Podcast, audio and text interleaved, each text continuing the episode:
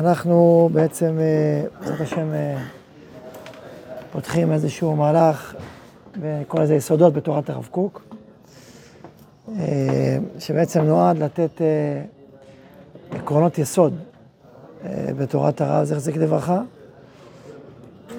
קשור גם כמובן לאישיות המיוחדת הזאת ולעקרונות עמוקים של תורותיה, של בעצם האמירה שלו והבשורה שלו לעולם. ולעם ישראל, ונשתדל לדרך אה, שכל פעם ניקח איזשהו יסוד, עיקרון, ננסה להעמיק בו, נביא לו דוגמאות, אה, נביא אולי פסקאות, סעיפים שעוסקים בסוגיה הזאת. וככה נשתדל לדבר על יסוד, יסוד אחרי יסוד. זה בעצם נראה לי הכיוון, אה, ועם זה, זה נפעל.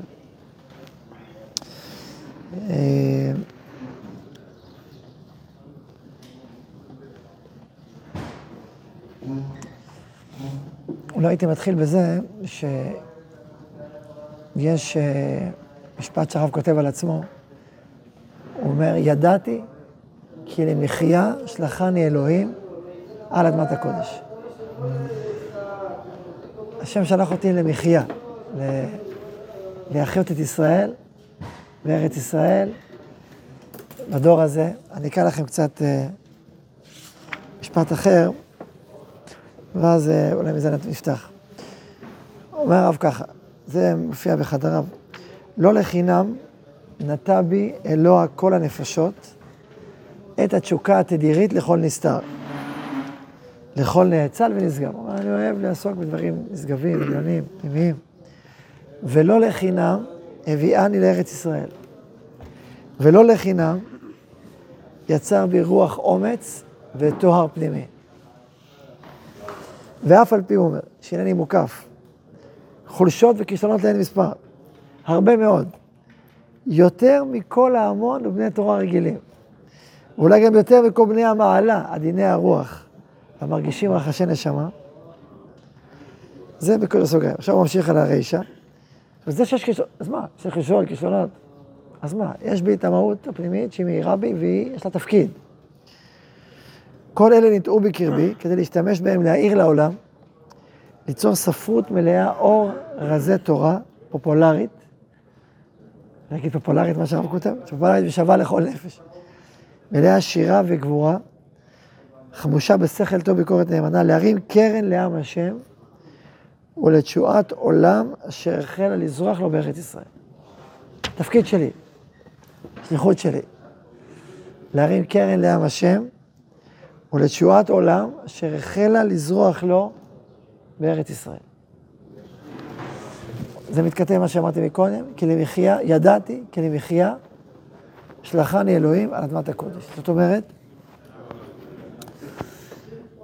אה, הרב רואה את תפקידו, שליחותו, ולבוא לעולם בתקופה היסטורית מאוד מסוימת, כאשר עם ישראל חוזר לארצו, מתחיל לחזור לארצו, ערש שיבת ציון, ושם לא, בעצם אה, להופיע את, ה, את התורות שלו, את, ה, את, ה,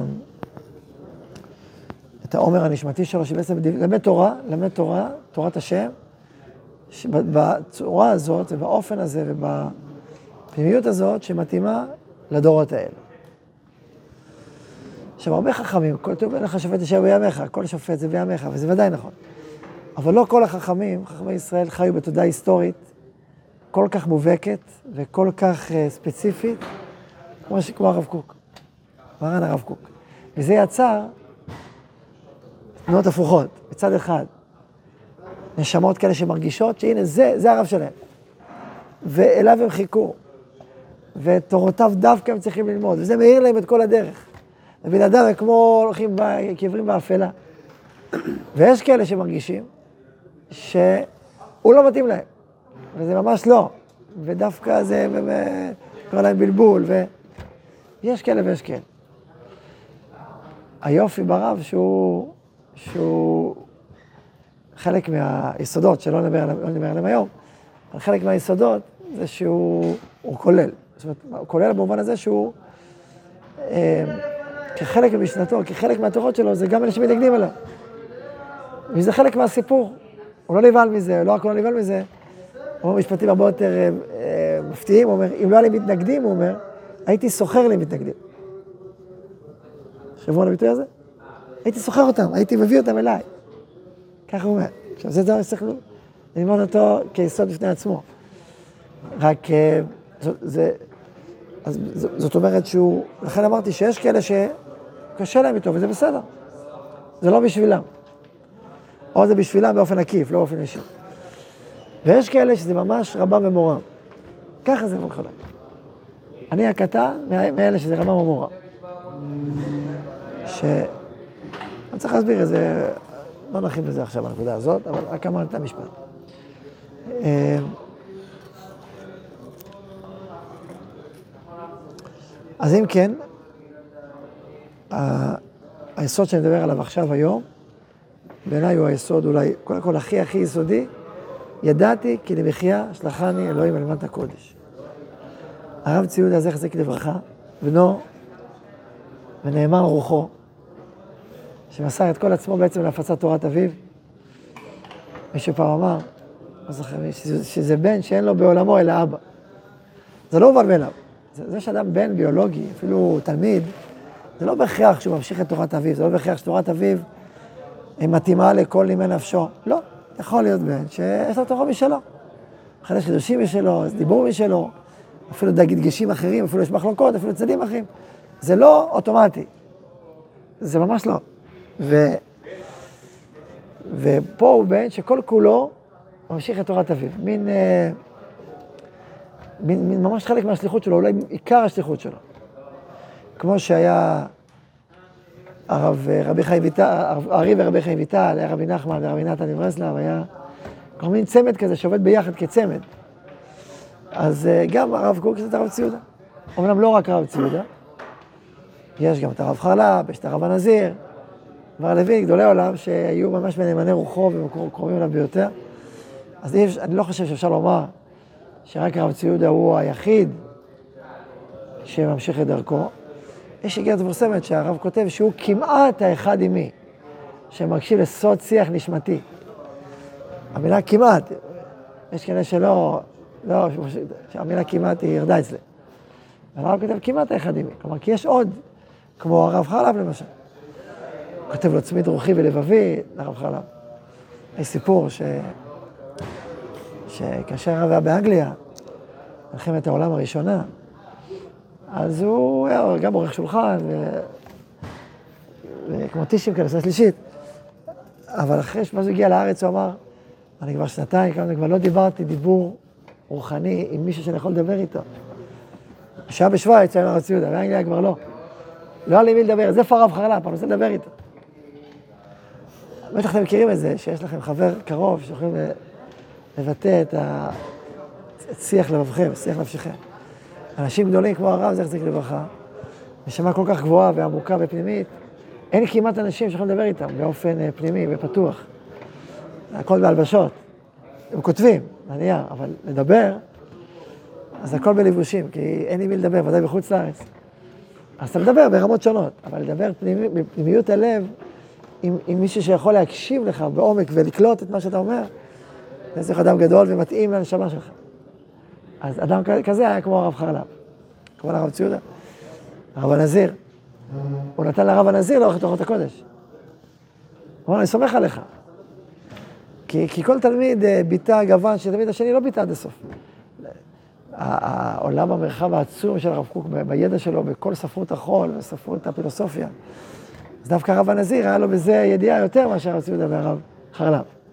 למרות שלכל העם היה ידיעה, הרב ציודה ודאי היה ידיעה, ואף על פי כן אז לכן אני אומר, זה כמעט, היו חבורה שבעצם ביטאה את, את, את, את העולם העשיר העצום של הרב, זכר צדיק לברכה. היו עוד הרבה תלמידים, אבל...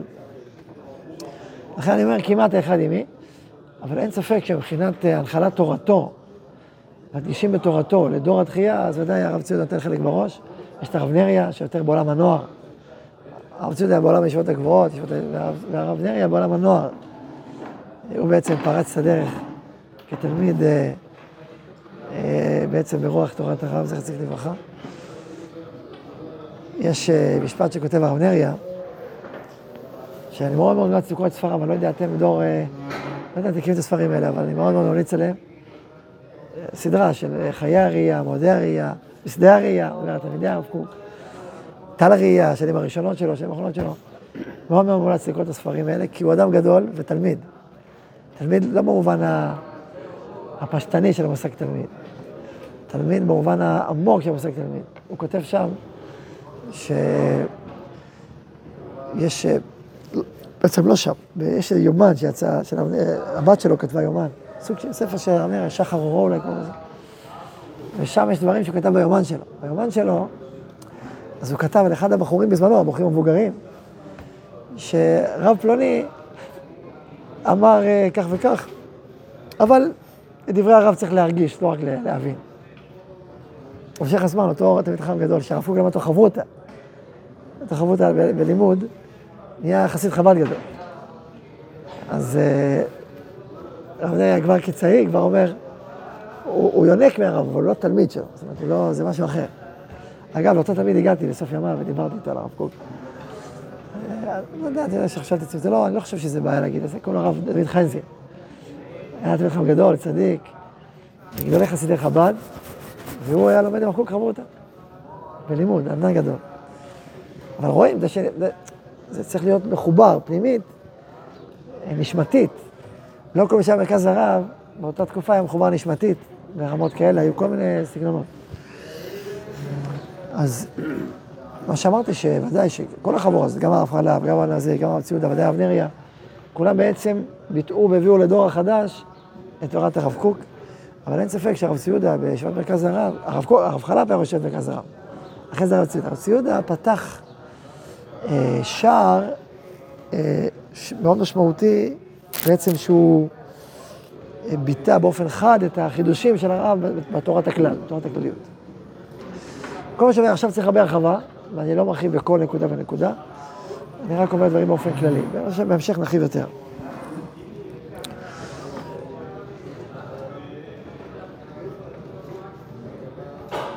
אז חזרתי ואמרתי שהנשמות שמרגישות שבעצם הרב ומורם ורבם בעצם מרגישות שהוא פתח להם את הדרך לחיים רוחניים של תורה בדור הזה. ו... שמה זה אומר הדור הזה? מה זה אומר הדורות האלה? זה אומר שעם ישראל חוזר לארצו ונוצר שינוי דרך ב... בהיסטוריה העולמית והלאומית שלנו. כלומר, הדורות האלה זה לא, אי אפשר להפטיר בהם כדי אשתקד. אתה לא יכול לבוא ולומר, אה, ממשיכים, ממשיכים. מה שהיה, או שיהיה. באופן כללי, העולם החרדי, כן, אני אומר את זה בהכללה, ש... אז הכללה זאת אומרת, זה חוטא לאמת המדויקת, אבל אני אומר בהכללה בכל אופן. האמירה שלו היא, ודאי הזרם המרכזי שלו, זה אנחנו ממשיכים את הדור הקודם, את הדורות הקודמים. זה מתבטא גם בשמות של הישיבות. פוני וז', העולם הליטאי זה פוני וז', מיר, חברון, זה בגלל שהחברון היו פה.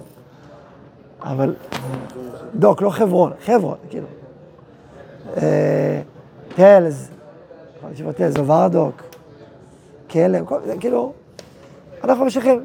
הרב שחר זה יצא לברכה. פעם נפגשו את החבר'ה במרכז הרב, תלמידים של מרכז הרב. אז דיברו איתו על כמה דברים. אחד הדברים שדיברו איתו, אמרו לו, הרי הגאון מווילנה אומר ללמוד כוזרי, ושהוא קדוש וטהור, ויסודי אמונת ישראל בתורה תלויים בו. אז למה לא נבש אה, אמונה, כוזרי? אז הוא אמר, אני מכיר את הגאון הזה, ואף על פי כן מפה נבש לא למדו כוזרי. אז גם פה לא לומדים כוזרי. ככה הוא אמר. וגם החסידויות, חסידות ויז'ניץ, גור, וכולי, נכון? החסידויות בעצם משמרות גם את הלבוש החיצוני וגם את המסורות. שהדור, הם רואים את עצמם בעיקר, בעיקר כממשיכי הדורות הקודמים. פעם דיברנו על אפרים ומנשה, כמנשה, כמשהו שמחובר לדור הקודם. עכשיו, איי, גאולה, מדינה וזה, אנחנו לא יודעים. או לא יודעים, או משיח, אנחנו לא יודעים. מה שאנחנו יודעים זה להעביר את הלפיד מדור לדור. זה מה שאנחנו יודעים, ועל זה אנחנו מופקדים. מבחינתנו זה הדבר. לכן הרב שך אמר אפילו משפט אה, חריף, הוא אמר, אם לא ייתנו לנו, הכריחו אותנו להתגייס, לא ייתנו לנו פה ללמוד תורה בארץ ישראל, אנחנו בבני התורה נשבע, אם נשכח ירושלים נשכח ימיני, ונעזוב את הארץ לחוץ לארץ. ושם נלמד תורה. כך הוא אמר.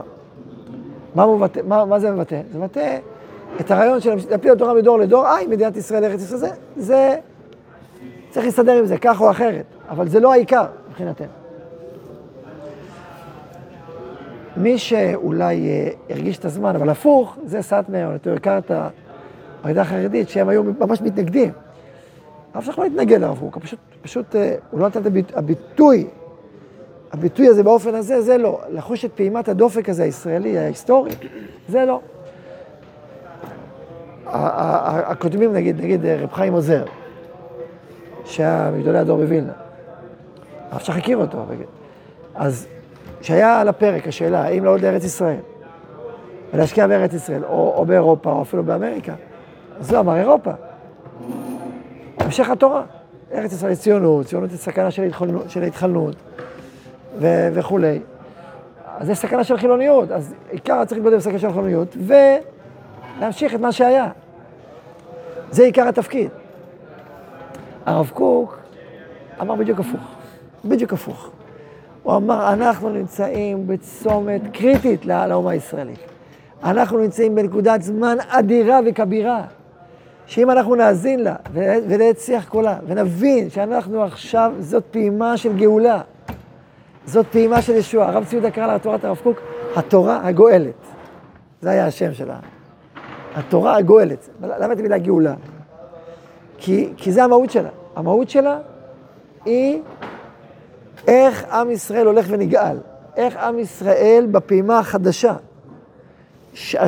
בפעימה החדשה בהיסטוריה הזאת, מה התורה שאותה הוא צריך לשמוע, ומה התורה שתיקח אותו במצעד, במצעדים ההיסטוריים שלנו. מה הדור הבא? מה הדור הזה צריך לעשות? זאת אמירה, זו אמירה מאוד מאוד עמוקה.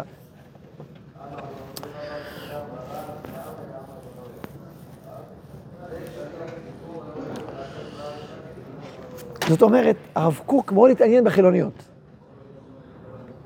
אתה יכול להגיד, החילוניות היא רק אה, נגדי, היא, היא שייכת לעולם שלו, הפוך, בואו נסתגר.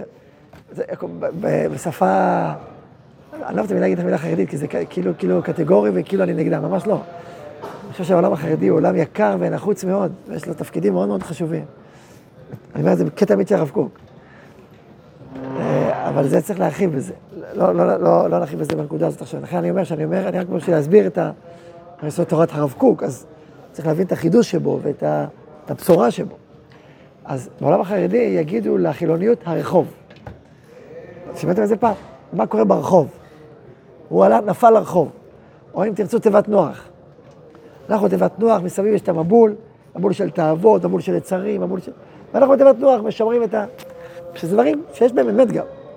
דברים חשובים. רק זו, זו המודלים, זה, מודל, זה, זה המודל של המחשבה. אם אנחנו נדבר על לך לך, הם ידברו על נוח. כן? באיזה פרשה אתה מרגיש שאתה ככה נותן את האנרגיה? אז יכול להגיד פרשת נוח. תגיד, לא, לך לך, או, או ספר דברים. ספר דברים מתחיל, העולם הציוני נפתח. כניסה לארץ ישראל, הבחינה של כניסה לארץ ישראל וכולי, נכון? זה, זה הדיבור. זה הדיבור. אה, אה, למה? כי, כי השאלה אם אתה רואה פה את הפעימה ההיסטורית של עם ישראל חוזר לארצו, ושבעצם אנחנו עכשיו קוראים פרק חדש בהיסטוריה הישראלית. הגלות מתחילה, מסתיימת ומתחילה גאולה. שזה שינוי תודעה דרמטי, דרמטי. זה, זה פשוט להפנות למבט אחרת. האם אתה האחרון, אתה ראשון? ראשון בפעימה של שיבת ציון, כמובן. אני לא מדבר עכשיו על חילוניות, שהיא, שהיא שוכחת את כל ההיסטוריה ובעצם רוצה להתחיל משהו שלא קשור לכלום. אז זה שטויות. אבל זה כאילו, זה, זה, זה אין בזה, אבל אם אתה מדבר איתי על התפתחות, על חידוש, על תורות חדשות, על גאולה, על דרך חדשה שצריכה להיפתח, הרב שם עד הסוף. ולא רק הוא שם, הוא אומר שאם לא נלמד את התורה שמתאימה לדור הזה, היינו, את תורת השם, את, את כל, התורה של כל הדורות, אבל באופן ובעומק ובצורה ובתוכן שמתאים לדורות של גאולה, החילוניות רק תגבר ותלך. החילוניות זה לא פשלה. זה לא אך ורק איזה מין תאווה שהתעוררה וכבשה את טובי המוחות של עם ישראל. זה לא רק יצרים וכל מיני כאלה. זה לא איזה בחור אה, מרדן שקשה לו עם התורה כמו כל הדורות, ואז הוא הולך ומורד. ממש לא, זה לא האירוע, זה לא הסיפור. זה לא האירוע, הוא אומר, זה לא האירוע. מאמר הדור, אולי מה שאני אדבר עכשיו זה בעצם באיזשהו מקום כמו מאמר הדור, וכל המאמרים שהרב כתב ליישוב החדש, הוא כתב הרי ליישוב, ישר ליישוב החדש.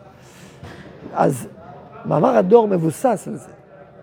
כעמוד וחצי, עמוד וחצי, הרב פותח את מאמר הדור במצוקה, בשבר, בכאב העצום, בעובדות, איך יכול להיות שאנחנו בדור שכל כך הרבה אנשים עזבו את התורה? ובדור שלא מבין איש עצת רעהו, באבות לא מבין את הבנים, אני לא מבין את האבות. ובדור ש... ש... ש... כותב כל כך הרבה נגד התורה, שרואה בתורה מעצור ומעכב. והוא אומר, אה, הוא אומר, בישלמה, אם היינו באמת עבדים, שמדברים רק בוז ומשטמה, אבל אנחנו בני מלכים. אנחנו בני מלכים, אז איך יכול להיות שבני מלכים מדברים כל כך... ו- וככה מטילים שיקוצים על, קדושה, על, על קדושת ישראל, על איך יכול להיות? הוא מדבר על המשבר האדיר של ההתחלות בישראל. שהמשבר האדיר של ההתחלות קשור לעולם ההשכלה כמובן, זה מתחיל מעולם ההשכלה. זה לא מתחיל מהציונות. כן, העולם החרדי, חלק מהעולם החרדי מציג את ההתחלנות כתוצאה של הציונות. עכשיו, גם אם יש בזה משהו, זה ודאי לא האמת היסודית. האמת היסודית של ההתחלנות התחילה באירופה הרבה הרבה לפני הציונות. התחילה בתנועת ההשכלה, בעצם בנפילת חומות הגטו. ברגע שהיה שוויון זכויות, מהמהפכה הצרפתית, מנפוליאון ואילך, אז ברגע שאני, ש... שוויון זכויות, ואז כל מערב אירופה פתחו את עצמם לעולם היהודי, ואז גטאות, ואז השכלה והכל והכל, זה יצר את ההתחלנות העצומה. ו... והפוך, הציונות באיזשהו מקום עצרה את ההתרחבות. הרי, הרי הפתרון לבעיה היהודית, היו כמה פתרונות. אחד הפתרונות, מה שהרצל חשב בהתחלה, זה התבוללות. מה שחשבו המשכילים, בואו נתבולל, מה חשבה מנדלסון. בוא נהיה יהודי באדם בצאתך ויהודי באוהליך. כל מיני כאלה. וגם לשמור על איזשהו דת, לשמור על דת משה, משהו כאן בסגנון הזה. אנחנו, אנחנו גרמנים בני דת משה, הוא אמר. האבסורד הגדול הוא להגיד, אנחנו גרמנים. זה היה לפני השואה, זה כל כך... ההיסטוריה היא כל כך חריפה והיא כל כך עוצמתית. היו יהודים, זה פשוט לא יאומן, היה פילוסוף, פילוסוף יהודי מאוד מפורסם, מאוד עמוק, שקראו לו הרמן כהן. הרב הנזיר, זכר צדיק לברכה, התלבט בין שני מורים, או הרב קוק או הרמן כהן, שני כהנים. הכהן התלבט בשני כהנים גדולים. אני לא אומר הרמן כהן גדול חלילה, זה פילוסוף גדול. הוא היה בחור צעיר, הרב הנזיר, עם נפש מאוד רחבה, עם חשיבה עמוקה, עם שאיפות מאוד מאוד קדושות וגדולות ועמוקות, שניסה ללמוד בישיבות אירופה ולמד בישיבות אירופה, אבל לא סיפקו את נפשו. לא סיפקו את נפשו. והוא חיפש משהו הרבה יותר רחב, הרבה יותר עמוק, הרבה יותר כולל. הייתה תקופה שהוא למד חוכמת ישראל אצל הברון גינסבורג בפטרבורג. חבורה שלמדה חוכמת ישראל, משהו, משהו רחב יותר, כולל יותר, מקיף יותר, בחשיבה סטודנטיאלית ומהסוג הזה. והוא מרגיש שגם זה לא מספק אותו. והוא מלא, הוא אומר, הייתי מלא צמאון לאמת. עכשיו, הוא תמיד, הוא היה צדיק. גם אז הוא היה צדיק. ולמד הרבה תורה. היה קרוב לרב חפץ חיים, והיה שלו. והוא אומר, אני חיפשתי לי רב, לא מצאתי לי רב בישיבות באירופה. עד שהוא הגיע, אומר, מלא חיקיון, באתי, שמעתי על הרב קוק, ואמרתי, אני, אמרו לי, לך תקשיב שם. אומר, טבלתי בנהר הריין, והלכתי עם ספר שערי קדושה. וידעתי, או שייך לרב קוק, או להרמן כהן. שהיה מגדולי הפילוסופים הנאו-קניטנים. זאת אומרת, שפיתחו ושכללו את, את הפילוסופיה של קאנט. אגב, הרב עצמו התכתב מאוד עם תורת ואמר דעת אלוקים שאנחנו יודעים עכשיו בשירים הגבוהים, אז הוא, הוא, אבל זה העניין הגדול. אז, אז הרמן כהן, הרמן כהן הזה, הוא היה פילוסוף גדול מאוד יהודי, כהן, שהיה מחובר ליהדות שלו במובנים רבים, אבל גם לגרמניות, הוא אמר, אין לנו, הוא כתב, לפני השואה, כאילו, נגיד, 30 שנה לפני השואה, איזה אומה נאורה האומה הגרמנית, שרק האומה הגרמנית אפשר ליצור איזשהו חיבור בין התורות היהודיות לתורות הגרמניות. ככה הוא כתב. הפילוסופים של הגרמנים, הגל, וזה, וגטה, ושילר, והמשוררים הגרמנים, ואיזה משוררים, הייתה חבורה שישבה כמה משכילי אודסה, שקשור ביאליק, ועוד לפני, שישבו ומשכילים, ודיברו בעצם על התבוללות, על הסוגים.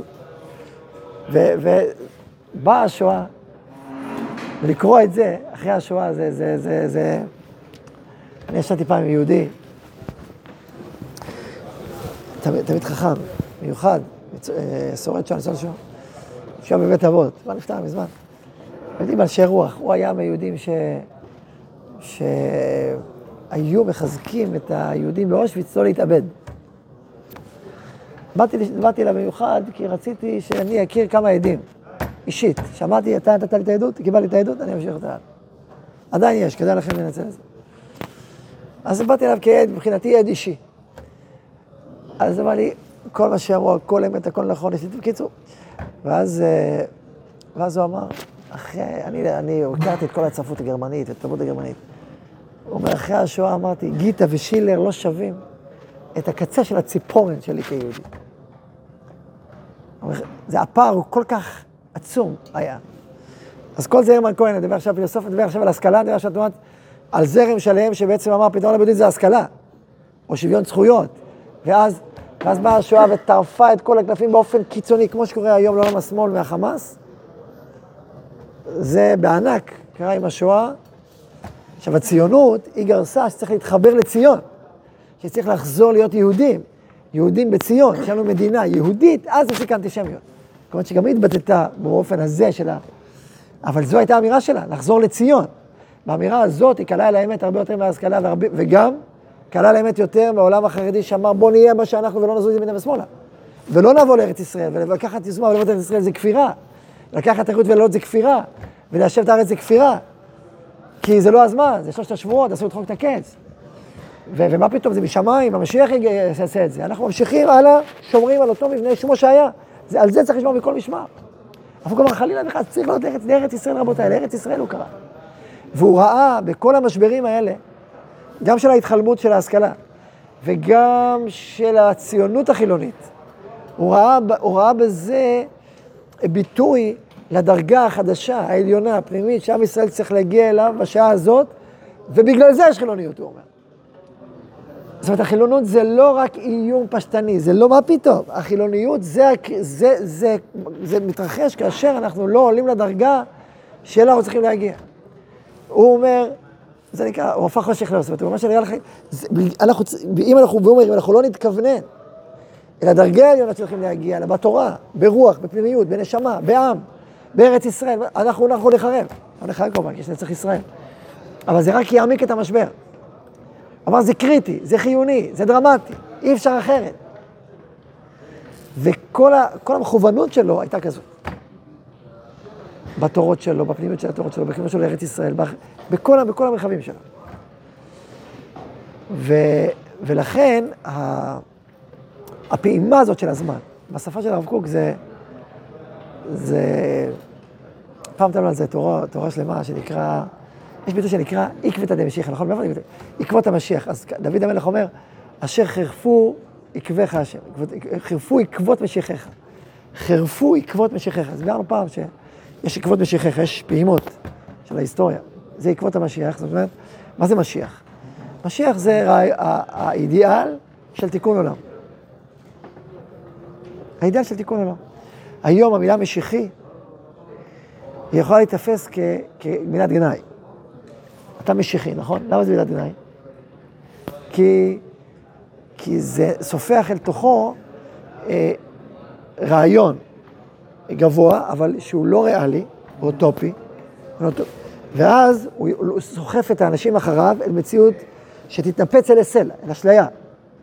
זה משהו מנותק. זה כאילו להיצמד לרעיון מנותק, שלא קשור למציאות, ושינפץ אותנו לסלעי המציאות. לכן לך זה בא גם עם טירוף, כאילו, טירוף משיחי. זה מטורף, זה משיחי, זה הזוי. נכון, זה מין טירוף משיחי, זה מין איזה רעיון שסוחב אותך אחריו, אבל הוא רעיון כל כך מנותק וכל כך קיצוני, שהוא לא מתכתב ולא רגיש למציאות. זה הביקורת על, על הרעיון המשיחי. לביקורת הזאת יש שפה, זה לא ביקורת חדשה של השמאל הישראלי או של כל מיני פוליטיקאים. זה ביקורת ידועה, שנקראת בשפה העברית שלנו משיח שקר. משיח שקר, משיחי השקר. משיחי השקר הם הסכנה הגדולה בדיבור על הרעיון המשיחי. הרעיון המשיחי הוא רעיון מדהים, הוא רעיון נפלא, הוא, הוא האנרגיה הפנימית של כל, ה, של כל היהודים באשר הם. הוא רעיון שמדבר על תיקון עולם. יש לנו רעיון יותר נשגב מתיקון עולם, יותר נפלא, יותר מדהים, יותר מתוק. ואני אומר שאם מישהו נופל במשיחיות, זה העולם השמאלי. הוא נופל במשיחיות, במושג המשיחי השלילי. הוא משיחיות שקר, לקחת רעיון נפלא כמו שלום, כמו גר זאב עם כבש, כמו חיודם אדם לעיתים, שזה רעיון אמיתי, זה רעיון ישראלי, זה רעיון של תיקון עולם, ולנתק אותו מהמציאות הריאלית, ולהקדים את, את הזמן, ו... ו... ולנסות לשים אותו במציאות כמו שהיא. מה קורה לרעיון כזה עתידי, נפלא, מתוק, ישראלי, שמנסים ליישם אותו בלי חיבור לריאליה, הוא מתאפס אלי המציאות. על זה נאמר כל הפוסל הוא פוסל. האלה שאומרים, המשיחי, הם עצמם נופלים בדיוק בבעיה הזאת. הם לוקחים רעיון משיחי, היינו תיקון עולם יהודי, אמיתי, נבואי, נביאי ישראל, ומנסים לשים אותו כאן ועכשיו, לא בזמן הנכון, וזה על אצלי המציאות. ואז מה הכאב הגדול? שמתייאשים מהעולם המשיחי. זה בדיוק הבעיה הסגולה של משיח שקר. משיח שקר גורם לעם ישראל להתייאש מהגאולה. הוא, הוא, הוא מקדים את זמנו יותר מדי מוקדם, יותר מדי מהר. ואז כשהוא נופל זה כאב אדיר וייאוש טוטאלי. זה מה שקרה אחרי, אחרי שבתאי צבי. זאת לא הטענה שהחרדים טוענים נגד. זה בדיוק הטענה של החרדים טוענים נגד הציונות הדתית. הביקורת על הציונות הדתית היא משירות השקר, בדיוק. אני, יש ספר שנקרא משיחי השקר לדורותיהם. שעושה כל משיחי השקר, בסוף עושה את הציונות.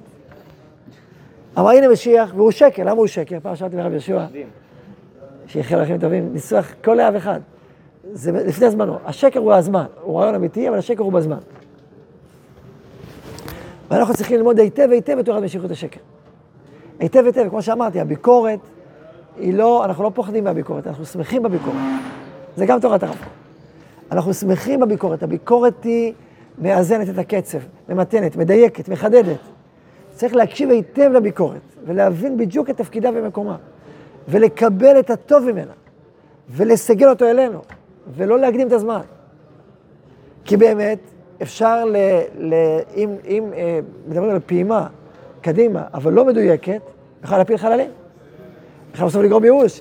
ולכן, אה, אה, הפעימה המשיחית המתוקנת, היא מקשיבה למציאות מאוד מאוד. אה, יותר מזה, יותר מזה, יותר מזה. אמר, אמר פעם, איפה ראיתי את זה בספר, אה, בספר שנקרא לכתחילה, שהוא ספר מאוד מאוד טוב, של מוטי קרפל. שאני ממליץ עליו. שוב, כמו כל דבר שאני ממליץ עליו, זה לא שאני מסכים. בהסכמה, לא כתוב, הרי אני מסכים לכל מילה הנאמר בספר. לא. יש דברים שאפשר לשכלל, ואפשר... אבל ספר נפלא. כי הוא באמת עוסק בתרגום של תורת הרב לדורנו, רק הוא עם עוד שני מקורות, חסידיים ושל שתי בן דב. שתורה של בן דב מדבר עליה. על כל פנים, הוא אומר שם משפט מאוד יפה, שמתי התור של רעיון אידיאלי, של תיקון להגיע למציאות, כאשר האידיאל פוגש את האין ברירה. את האין ברירה, זה נפלא. כלומר, זאת אומרת, יש אה, הלימה בין הרעיון הגדול הנפלא העתידי, לבין המציאות העכשווית. זה גם אין לך ברירה, זה הזמן. לכבוש את עזה, כאילו, אין ברירה, כאילו. אז לכם לא יש להם ברירה, יש רשות, יש ברירה, כאילו. מה אומרים הצד השמאלי, חלק, יש ברירה, מה הברירה? ניתן לה רשות, יש רשות שהיא מתונה. אוקיי, מה אנחנו אומרים? הרשות לא מתונה. היא מתונה בפועל. אבל באידיאולוגיה המהותית יותר, יותר, יותר אידיאולוגיה. אנחנו אומרים, אנחנו אומרים, אנחנו צריכים לשבת לארץ ישראל. איי, האם עכשיו זה הזמן ברגע זה לדבר על זה? לא. ברמה הפוליטית, למה לא? כי אנחנו צריכים את האחדות הזאת, היא חשובה כמו אוויר לנשימה, אי אפשר בלעדיה, אז זה לא במלחמה. אי אפשר בלעדיה להשיג יעדי מלחמה. ולכן אתה חייב להבין איפה אנשים נמצאים כעם, ומה אתה מסוגל להגיד ומה לא מסוגל להגיד. אז זה לימוד מאוד מאוד אה, לא פשוט. כי אנשי החופש עלו לדבר כל מה שעלה על ליבם. וגם חשוב שהם יגידו את זה, כאמירה עתידית, כאמירה כללית, אבל למעשה, זה כבר דיבור אחר. וצריך, זה לימוד שלם, איך לתרגם את הרעיון האידיאלי לעשות הצעד הבא למעשה. אומר הרב, אני חוזר לתורת הרב, אומר הרב, החילוניות האדירה והמשבר האדיר, הלאומי והרוחני שלנו, זה כי אנחנו לא מקשיבים לפעימה הבאה. ואם לא נקשיב, אנחנו ניפול עוד יותר עמוק. ועוד יותר חריף. והרב צדק. לא אני צריך לקבוע, המציאות קבעה. כמו שאמר הרב סולובייצ'יק, הרב, סולובייצ'יק, שהיה איש אגודת ישראל חזק מאוד. מן הסתם שעם הזה הוא היה ראש אגודת ישראל באמריקה. הוא היה יושב ראש הוועד הפועל אגודת ישראל. הוא תלמיד של רב חיים, נכד של רב חיים, כל אצולת בריסק. והוא עבר מהעולם האגודאי לעולם המזרחי, מה שנקרא מזרחי. עכשיו, מזרחי זה לא הרב קוק, זה לא, זה לא אותו דבר, אבל לרעיון הזה, בעקבות המציאות, הוא אמר, ההשגחה פסקה כמו המזרחי בעצם. חשבנו ככה, אבל ההשגחה פשוט נראתה אחרת. הייתה שואה. חלילה, אני לא אומר, שאל תטעו בדבריי, זה צריך להיות מאוד מדויק, אני לא אומר שהשואה קרתה בגלל החרדים, חלילה וחס. זה מהלכים אלוקיים, פנימיים, נסתרים, אני לא מצדיק שום דבר ולא מבין שום דבר. אני רק אומר שהמציאות הוכיחה שמי שעלה לארץ ישראל, הרב קוק אמר, רבותיי, לארץ ישראל רבותיי, בחוץ לארץ זה חורבן, ככה הוא צעק, תעלו לארץ פה, גם לא לאמריקה. אז הרבה הלכו לאמריקה והרבה נשארו, וברור שזה נפילה, בגלל זה נפילה, וזה לא נפילה. מה? החרדים? אה, הרבה יותר, החרדים זה לא אור אחד, יש לפחות ארבעה גוונים בתוך העולם החרדי. צריך להבין אותו טוב, כל גוון בפני עצמו. יש כ... היום יותר ויותר, ככל שעובר הזמן, אז המציאות מוכיחה את מה שהרב דיבר לפני מאה שנה. פשוט מוכיחה. גם בתורות, גם בתורות, מה שהוא דיבר. דיב... לכן הרב דיבר על תורת, על פעימה חדשה בעולם התורני. על לימוד אמונה. הוא אומר, לימוד האמונה הוא התרופה, עכשיו זה לא רק תרופה למצב במובן הזה של, אה, יש מחלה, בוא נרפא. הוא אומר, לא. הוא אומר, המחלה באה מדרגה חדשה. זה לא מחלה, זו דרגה. זו פעימה חדשה. שחלק מהמהות שלה זה תורה, זה ארץ ישראל, זה עם, זה להיות עם, זה להיות כלל ולא פרט. לא לחשוב איפה תחשוב באופן לאומי. זאת אומרת, הפעימה הזאת יש בה הרבה הופעות, לאותה פעימה היסטורית, לאותה פעימה גאולית, יש הרבה הופעות, הרבה ממדים. מימד זה פרט וכלל, מימד זה מה לומדים בתורה, מימד זה כל כללות של... יש הרבה, מימד זה ארץ ישראל. כל אלה ממדים של הפעימה החדשה של ישראל בדור הזה.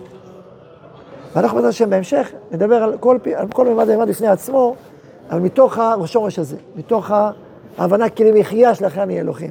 כי כמו שקראתי, להרים קרן לעם השם ולתשועת עולם אשר החל לזרוח לו בארץ ישראל. או בשפה אחרת, שזה עולם שלם מה השעה? בשפה אחרת, זה לקרוא בשם השם לתחייה הישראלית בארצו. לקרוא לזה בשם השם. אם הציונות לא קרה בשם השם, כמו שאמר האדמו"ר מחב"ד, הוא אמר, עלתה על יד בילו. על יד בילו, מה זה, מה, זה, מה זה על יד בילו? אתם יודעים מה זה בילו? תלמדו היסטוריה, חבר'ה. בית יעקב, לכו ונלכה.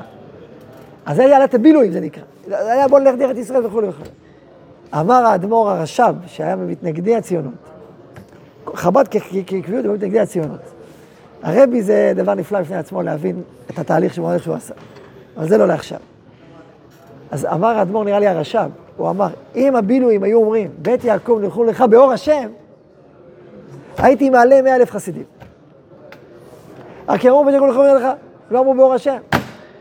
הציונות כתבה, כתבה, אין לה דבר עם הדת. הרב קוק בשצף קצף ואגרות, מה זה אמרת המוות, המחפירה? אז זה דבר עם הדת. כי היא רצה להגיד, אנחנו לא בעד הדת ולא נגד הדת. חופש דת וחופש מדת, נכון? מכירים את זה, חופש דת? זה מה שהציונות אמרה כפתרון לוויכוח בתוך הציונות בין המזרחי לבין השמאל הקיצוני שרצה להתנער מהיהדות. מה נמצא, איזה פתרון נמצא? פתרון חופש מדת, חופש מדת, חופש מדת. אומר הרב קוק, זה תו מוות. זה, זה הציונות צריכה למחוק. זה השורש של כל הציונות, זה המהות של כל הסיפור. תיקח את זה, לא יהיה כלום, אין כלום. זה אמרה שיכולה להמית עם, עם חי וכל שכל לחיות עם מת. מה זה ציוות הרב קוק באגרות על הדברים האלו? וואו, וואו, אש להבה. כי זה הסיפור שלו. דגל הקודש, לכן הוא הרים התאחדות ירושלים. את שם השם על התחייה הישראלית. והוא אמר שלמרות שבילו אומרים בית יעקב ורחוב מלכה, באמת אור השם הוא המנוסס את כל המהלך. יש פה פעימה לאומית, היסטורית, רוחנית, יהודית. זה הדיבור, זה הסיפור. זה האמירה שלו. זה יכול לעצבן חרדים, זה יכול לעצבן חילונים, זה יכול לגרום הרבה הרבה אדוות, וצריך הרבה לדבר על זה. כמו שאמרתי, הביקורת הכי ראשית מהעולם הכי... יש פה הרבה, הרבה דברים מה להגיד, אבל כפעימה הפנימית, זה הפעימה. תורה הגואלת. זה, זה, זה מה שלמדנו היום, בעצם מה שלמדנו היום זה בעצם השורש. אה, אה, אני חושב שאפשר לקרוא לו אני, אני, זה קצת יומרני, אז אני ככה קצת, קצת אומר את זה ב- בדחיל ורחימו, אני לא... אני לא רוצה להגיד המהות, או הפעימה הפנימית של תורת הרב, של הדיבור הזה, של, תורה, של העניין הזה, של כל, של, של, של השליחות הזאת, של הבשורה הזאת. ולכן תלמיד של הרב, זה מי שמרגיש בנשמתו את הפעימה הזאת. הוא חש שזאת הפעימה, ומי שלא, הוא לא חש את הפעימה הזאת. וזה בסדר. יש לזה, לכל דבר יש תפקיד. יש תפקיד. אפילו הרב סולובייצ'יק, שהיא אדם ענק, ואמר להשגיחה וכולי וכולי, זה לא הפעימה הזאת. זה לא, זה לא אותו דבר. אני קורא את הרב ליכטנשטיין, שאדם ענק, והוא רצה להיות מחובר לסבר ישראל. יש בו, יש בו ניצוצות מזה. אבל משהו בפעימה, פעימה. אני קורא לזה, זה כמו מוזיקה, שאתה מנגן וזה מתנגן. הרב קורא לזה שברוחו של משיח באים, באים אלינו, אה, אה, ניגון, איזה רוח, איזה ניגון, וזה פוגש את כל מי ששייך לזה. ושיש לו תפקיד בשליחות הזאת. זה בעצם להגיד, בית יעקב, נלכו ונלכה באור אדוני. זה, זה הדיבור, זה הסיפור. בית יעקב, לכו ונלכה, לך לך, נכון? לכו ונלכה, לכו ונלכה, לך לך, באור השם. זה הסיפור שלנו בארץ ישראל, וככל שנדע את הסיפור הזה יותר, ונעמיק בו יותר, ונשכלל יותר, ונבין את המופעים השונים שלו, בכל המישורים, את המשמעות שלו לבית המדרש, ול, ול, ולעם, ומה זה עם, ומה זה פרט, ומה זה... נבין את כל המופעים שלו, אנחנו בעצם נהיה חלק אקטיבי, חלק מהסיפור של גאולת ישראל, חלק מהסיפור והשליחות של עם ישראל בעולם. גם לא נדבר על העולם גם, מה השליחות שלנו העולמית.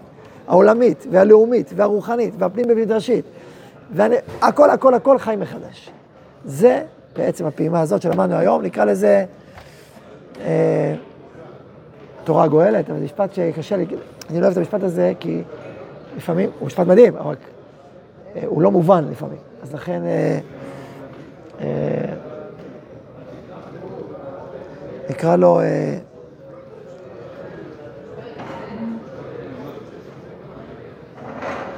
אפשר לקרוא לו בית יעקב לך באור השם, אז זה עדיין משפט, אפשר לקרוא לו שיבת ציון, אפשר לקרוא לו... אה, אה, אפשר לעשות בילו בשם השם. כן. כן. אה, ציונות על פי הרב קוק. לעשות על פי הרב קוק, זה... זה, כן, כן, כן, כל זה, זה לא, ועדיין, עדיין, אה, עדיין, אה,